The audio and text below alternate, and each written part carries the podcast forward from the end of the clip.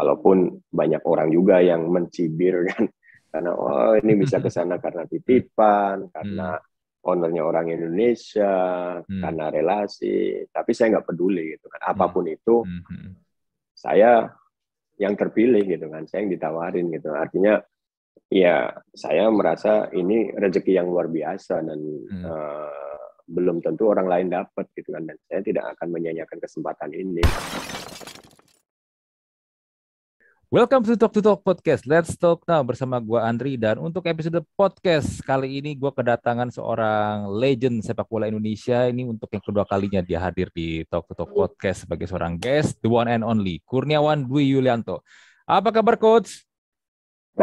Alhamdulillah baik, baik. Alhamdulillah, Akhirnya baik. kita podcast lagi coach. Waktu itu coach masih di Malaysia ya? Di Malaysia waktu itu. Iya, ya. waktu, itu di, waktu itu di Malaysia kita ngobrol waktu itu kalau COVID kelar nih, bolehlah kita nanti main-main ke Malaysia. Eh, coachnya sekarang mau ke Italia.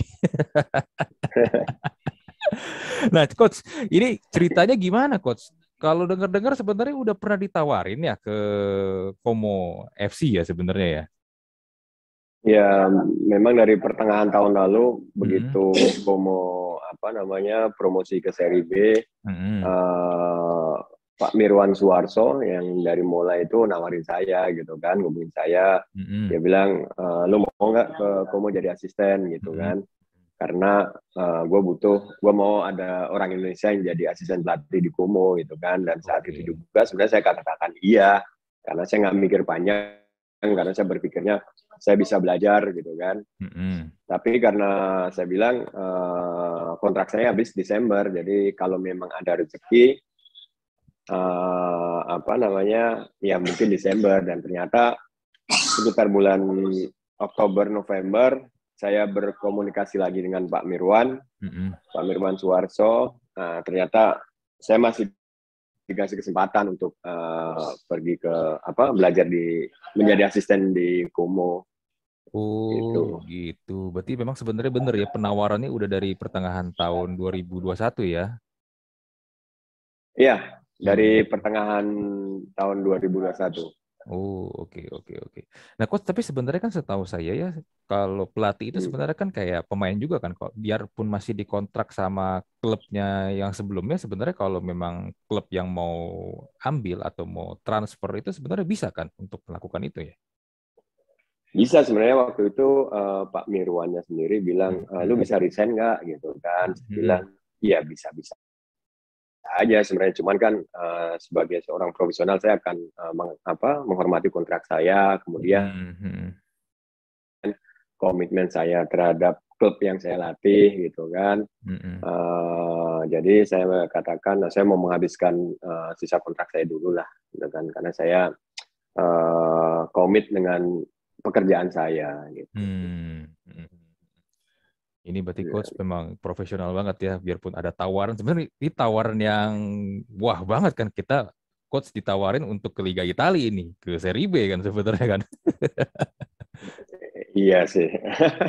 ya tapi memang inilah ya, kalau memang udah jodoh mah nggak ke mana ya. Tapi akhirnya pun tawaran ini masih tetap ada dan coach pun akhirnya diajak lagi kan untuk ke Como ya. Iya benar. Jadi uh, sebenarnya saya berpikirnya gini bahwa hmm. uh, rezeki itu kan sudah ada yang ngatur satu yang kedua hmm. rezeki nggak mungkin ketuker gitu kan hmm. jadi uh, selagi uh, kita bekerja dengan tulus ikhlas insya Allah hmm. ada aja lah rezeki gitu kan jadi hmm. uh, waktu bulan Oktober November saya komunikasi lagi dengan beliau ternyata uh, masih memberikan kesempatan ke saya untuk bergabung gitu kan dan Alhamdulillah uh, saya katakan ke beliau bahwa saya ke terima tawaran ini tidak hanya untuk jalan-jalan atau mm-hmm. piknik ke mana ke Italia gitu kan tapi mm saya benar-benar uh, mau belajar tentang sepak bola di sana terus saya minta minimal uh, kontrak satu setengah tahun karena kalau saya gabung Desember uh, apa habis season kan bulan Mei gitu yeah, kan bulan Mei. saya masuk ketika ketika on season kan jadi mm. saya mau satu setengah tahun biar saya bisa belajar bagaimana off season mereka, bagaimana pre-season mereka. Jadi saya hmm. belajarnya benar-benar komplit gitu kan.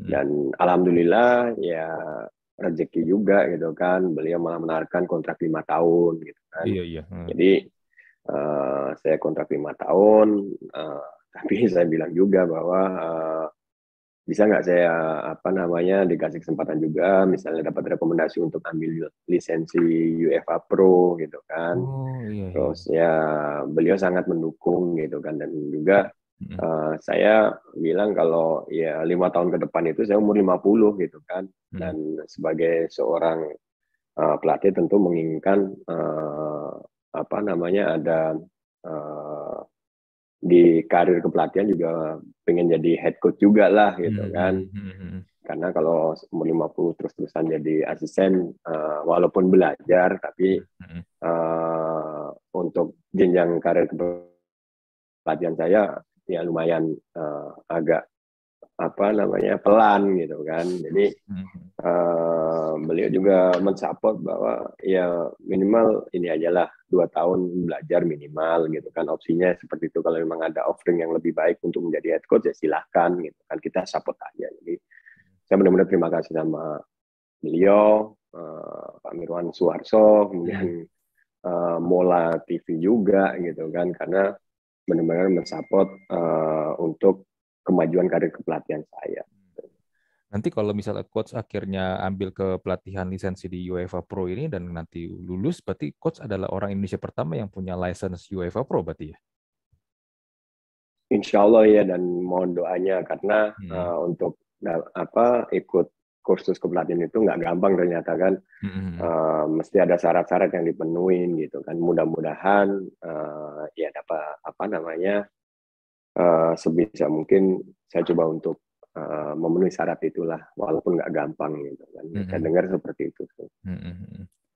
uh, berarti tanggal pastinya berangkat ke Italia kapan tuh coach kalau tanggal pastinya belum tahu karena memang uh, dari mulai bulan Desember kemarin hmm. saya datang ke Indonesia untuk ngurus uh, visa kerjanya, tapi ternyata memang pemerintah Italia ini agak lumayan uh, tegas ya gitu kan. Uh, yang saya dengar mereka belum mengeluarkan uh, permit kerja gitu kan pemerintah Italia karena ya faktor uh, apa namanya uh, omikron kalau nggak salah. Iya iya iya. Jadi uh, apa ini tengah lagi diproses juga, tengah mohon lagi apply lagi untuk visa kerjanya, tapi uh, dari mulanya sendiri dari Pak Mirwan Suwarso sendiri. Kan karena saya sudah terikat kontrak ya uh, mau diperbantukan ke UK dulu untuk uh, ngebantu Garda Select di sana gitu kan. Hmm. karena uh, katanya untuk visa UK relatif lebih mudah daripada untuk yang Schengennya.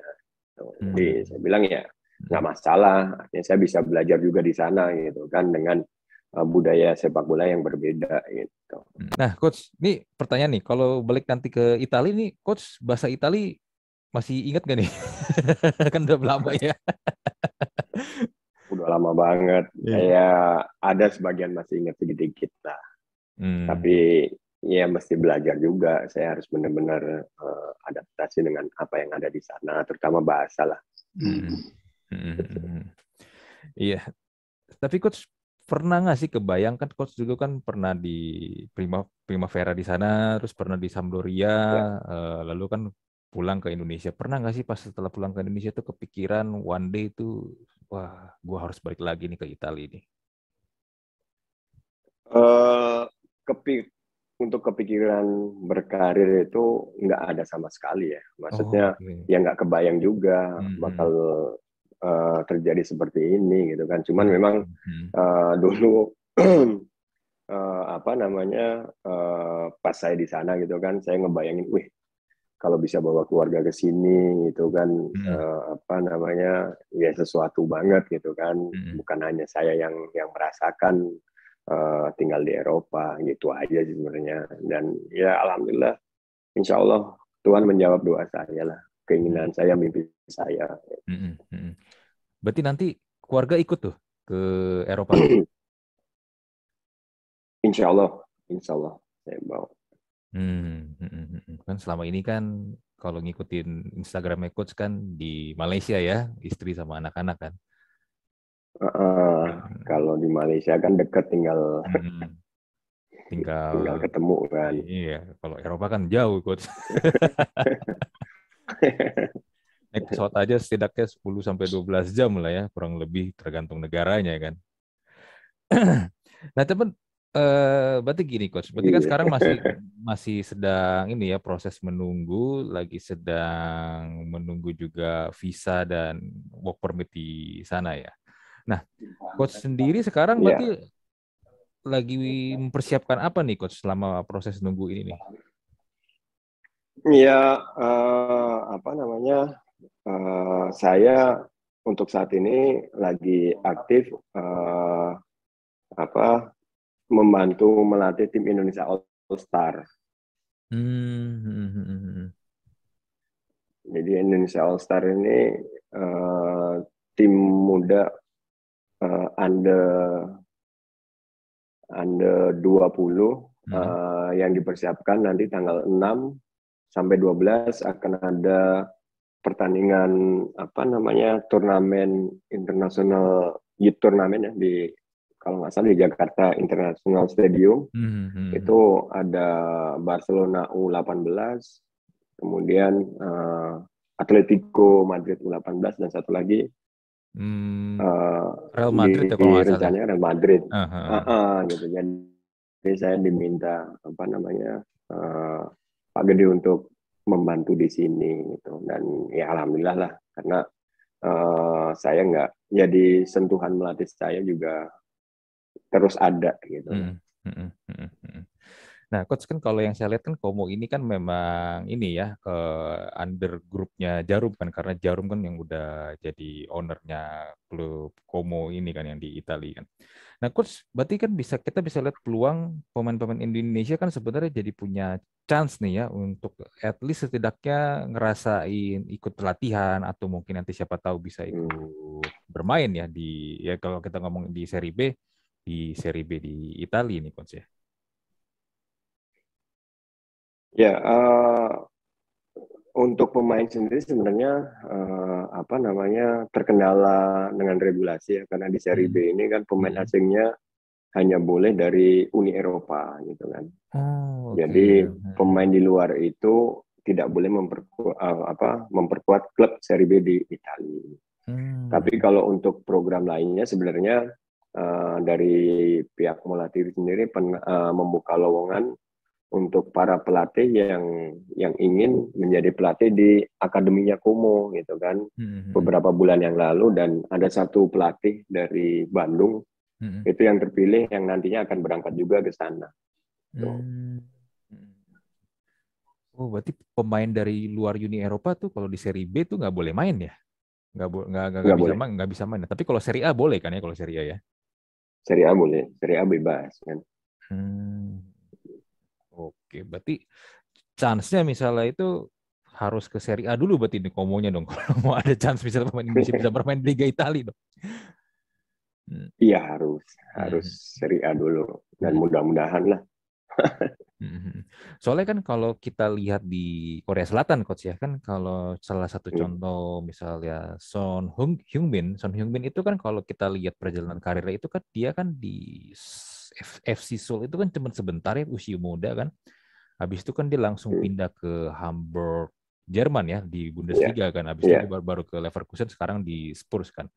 Nah saya sih nggak bayangin gini sih. Maksudnya kan berarti kan sebenarnya peluang untuk seperti Son Heung-min itu kan sebenarnya ada dong kalau misalnya ternyata klub di Eropanya memang mengizinkan atau memang kasih kesempatan untuk pemain-pemain Asia untuk coba merumput di sana, berlatih di sana dan ternyata kalau memang bisa jadi superstar kayak Son, ya why not kan sebenarnya ya? Iya, uh, memungkinkan banget kalau menurut saya karena memang sebenarnya uh, apa namanya talenta pemain Indonesia ini kan nggak pernah habis gitu kan. Uh, kita mempunyai uh, pemain-pemain yang uh, secara individu bagus, cuman uh, talenta saja kan tidak cukup gitu kan. Talenta hmm. harus uh, dibarengin dengan kerja keras, kemudian harus dibina dengan benar gitu kan. Jadi uh, saya sih berharap para pemain muda yang dikatakan muda ini tentunya bukan yang uh, apa yang 19 tahun ke atas itu kan tapi justru sebaliknya misalnya katakanlah 16, 17 mereka hmm. sudah sudah mulai uh, merapat ke Eropa sebagai jembatan atau pintu pintu awal mereka sebelum ke tim-tim yang levelnya lebih tinggi gitu kan karena hmm. uh, apa namanya lebih ke prepare mental mereka sih sebenarnya bagaimana mulai dari uh, usia muda mereka memahami dan mengerti uh, arti profesional sejati itu seperti apa hmm. terus uh, mental juara itu seperti apa, bagaimana memanage dirinya sendiri untuk menjadi seorang profesional itu kan hmm. hal-hal hmm. yang yang ya mohon maaf kadang uh, kurang ada di Indonesia gitu kan. Jadi hmm. ketika mereka datang ke ke negara orang, hmm. ya tentu mereka banyak belajar, terutama, untuk memanage dan memotivasi dirinya sendiri. Hmm, iya benar, benar-benar setuju. Uh, kemarin itu sempat ada yang bilang, saya lupa siapa. Kan kemarin kan kita habis AFF ya 2020 kan yeah. timnas. Nah kan di timnas itu kan banyak pemain muda di yang diturunin sama coach Shin Taeyong ya. Nah tapi ada yeah. yang bilang ketika di timnas tuh kemarin main bagus, tapi pas pulang ke klub lagi, kok mainnya jadi beda nggak kayak seperti di timnas yang mainnya bagus agresif rapi tapi ketika balik ke klub lagi kok tiba-tiba kayak pemain yang berbeda gitu menurut coach kenapa sih kok bisa bisa sampai ada ke ke apa peristiwa kayak begitu kejadian kayak begitu? Uh, jadi memang uh, ya saya pastinya tidak tahu hmm. tidak tahu pastinya seperti apa gitu kan tapi hmm.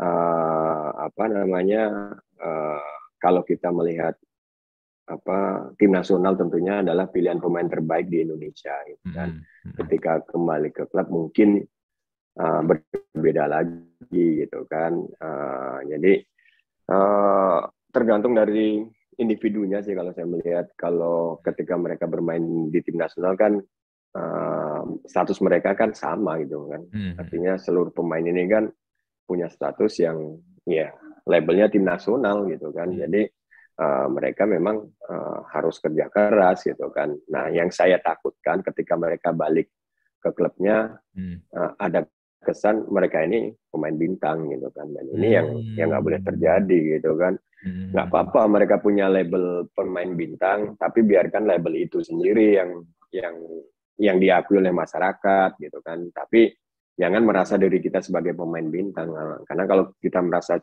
sebagai pemain bintang kadang atau ditakutkan itu rasa puas cepat puas itu ada jadi hmm. uh, lapernya terus fighting spiritnya ketika di tim nasional jadi kendor gitu. Hmm, hmm. Ini message ini sama seperti yang coach Gurus kemarin ngomong nih di kita pas kita podcast sebelumnya nih. Rasa lapar tuh jangan sampai hilang ya, jangan cepat puas dulu ya. Iya.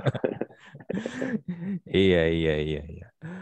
Oke, coach. Uh, berarti gini ya. Berarti sekarang tinggal menunggu persiapan, lagi persiapan, tinggal menunggu izin kerja. Coach juga sekarang lagi mengenangani Indonesia All Star nanti di stad yeah. untuk untuk turnamen di Jakarta Internal International Stadium ya.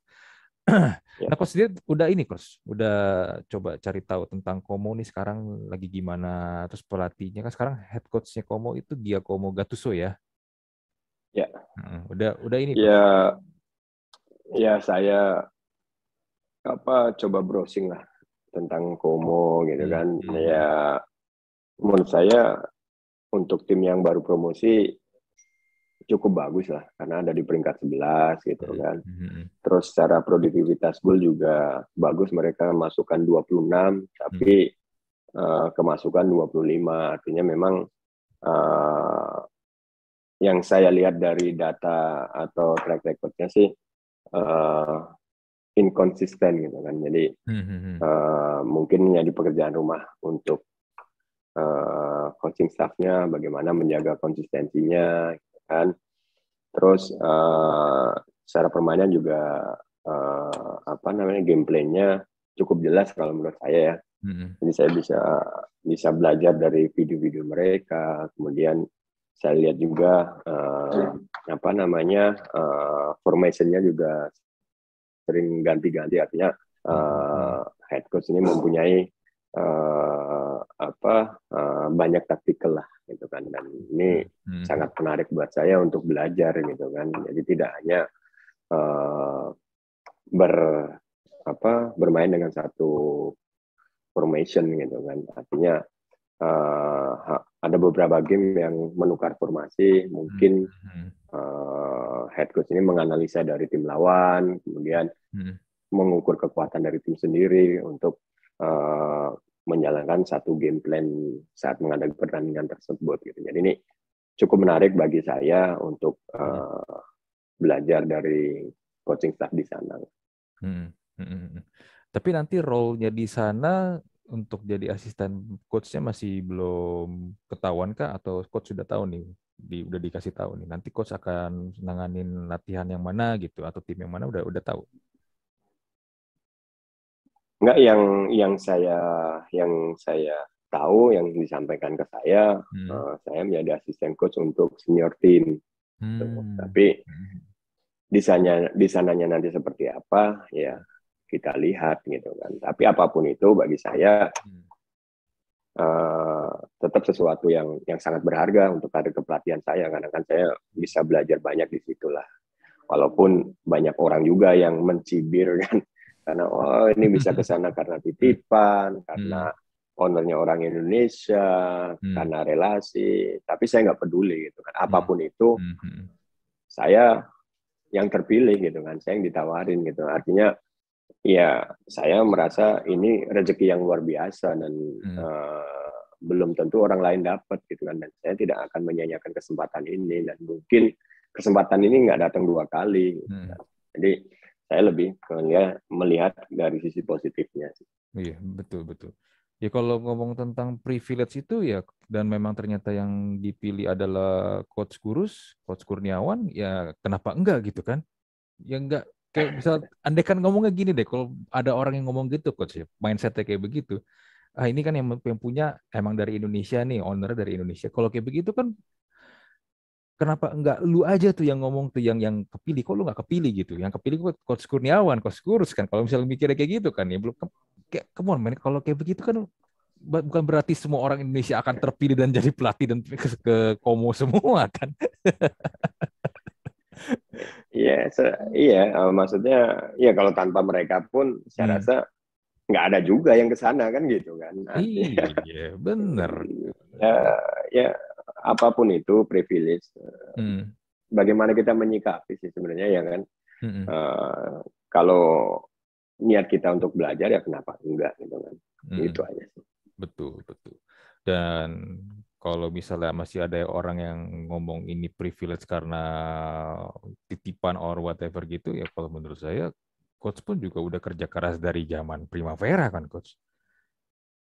Iya kan. Maksud saya gini loh, kan coach sudah dapat nama nama coach Kurniawan Dwi Yulianto itu kan memang udah coach dapetin dari zaman Primavera, lalu pernah juara Liga Indonesia segala macam di timnas, sudah jadi legenda di timnas sepak bola Indonesia.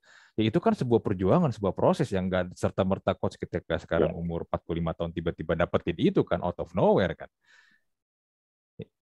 Iya, betul. Artinya gini, uh, apa namanya?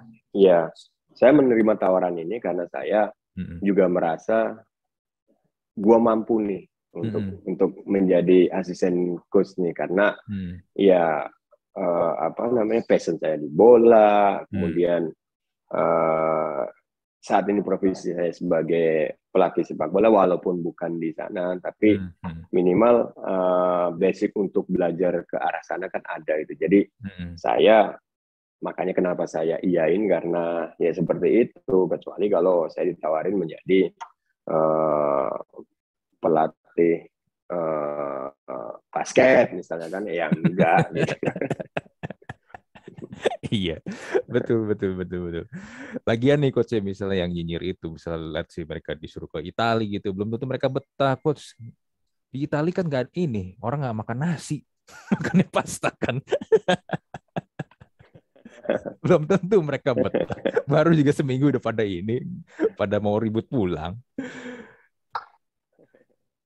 Ya tapi anyway ya coach ya uh, terlepas siapa pun yang mencibir yeah. siapa pun eh, haters pasti selalu ada lah. Tapi kan ya haters itu sebenarnya adalah inilah ya orang yang memperhatikan kita tapi ya sembunyi-sembunyi aja di belakang nggak mau terang-terangan. Tapi anyway uh, saya sih percaya dengan terpilihnya coach di sebagai asisten pelatih di Como dan coach juga nanti mau belajar mengambil kepelatihan UEFA Pro ini pasti akan berguna banget buat sepak bola Indonesia karena ya we never know gitu loh. Karena kan peluang untuk belajar ke Eropa itu kan sebenarnya nggak terbu nggak selalu datang kayak tadi coach juga bilang ya, nggak selalu datang dua kali coach ya.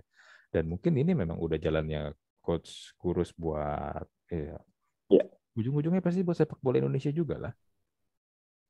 Iya, uh, uh, betul. Jadi memang uh, mungkin apa yang akan saya lakukan nanti dengan hmm. belajar Uh, insya Allah akan bermanfaat buat diri saya sendiri untuk karir pelatihan saya dan yang pasti mudah-mudahan bermanfaat bagi orang banyak terutama untuk sepak bola Indonesia gitu kan. Itu sih nawa itu saya niat saya untuk ke sana karena saya kembali lagi tidak mau jauh-jauh hanya untuk sesuatu yang sia-sia. Gitu. Betul betul betul. Oke deh coach, uh, senang banget bisa ngobrol lagi sama coach terutama coach sebentar yep. lagi lagi persiapan mau ke Italia dan saya sih mendoakan untuk coach semoga sukses di sana dapat ilmu dan bisa berbagi untuk sepak bola Indonesia supaya sepak bola Indonesia lebih maju lagi. Gitu. Amin coach. amin. Oke okay, coach. Coach sukses dan kita tutup lah ya untuk Talk to Talk podcast episode kali ini eh, saya mengajak juga untuk yang dengerin, untuk Anda yang dengerin dan nonton podcast episode kali ini juga mendoakan dan support selalu untuk Coach Kurniawan Dwi Yulianto dan sepak bola Indonesia. Gua Andri amin, dan amin. Coach Kurus Kurniawan Dwi Yulianto mohon pamit. Kita jumpa lagi di Talk to Talk podcast episode berikutnya. Bye.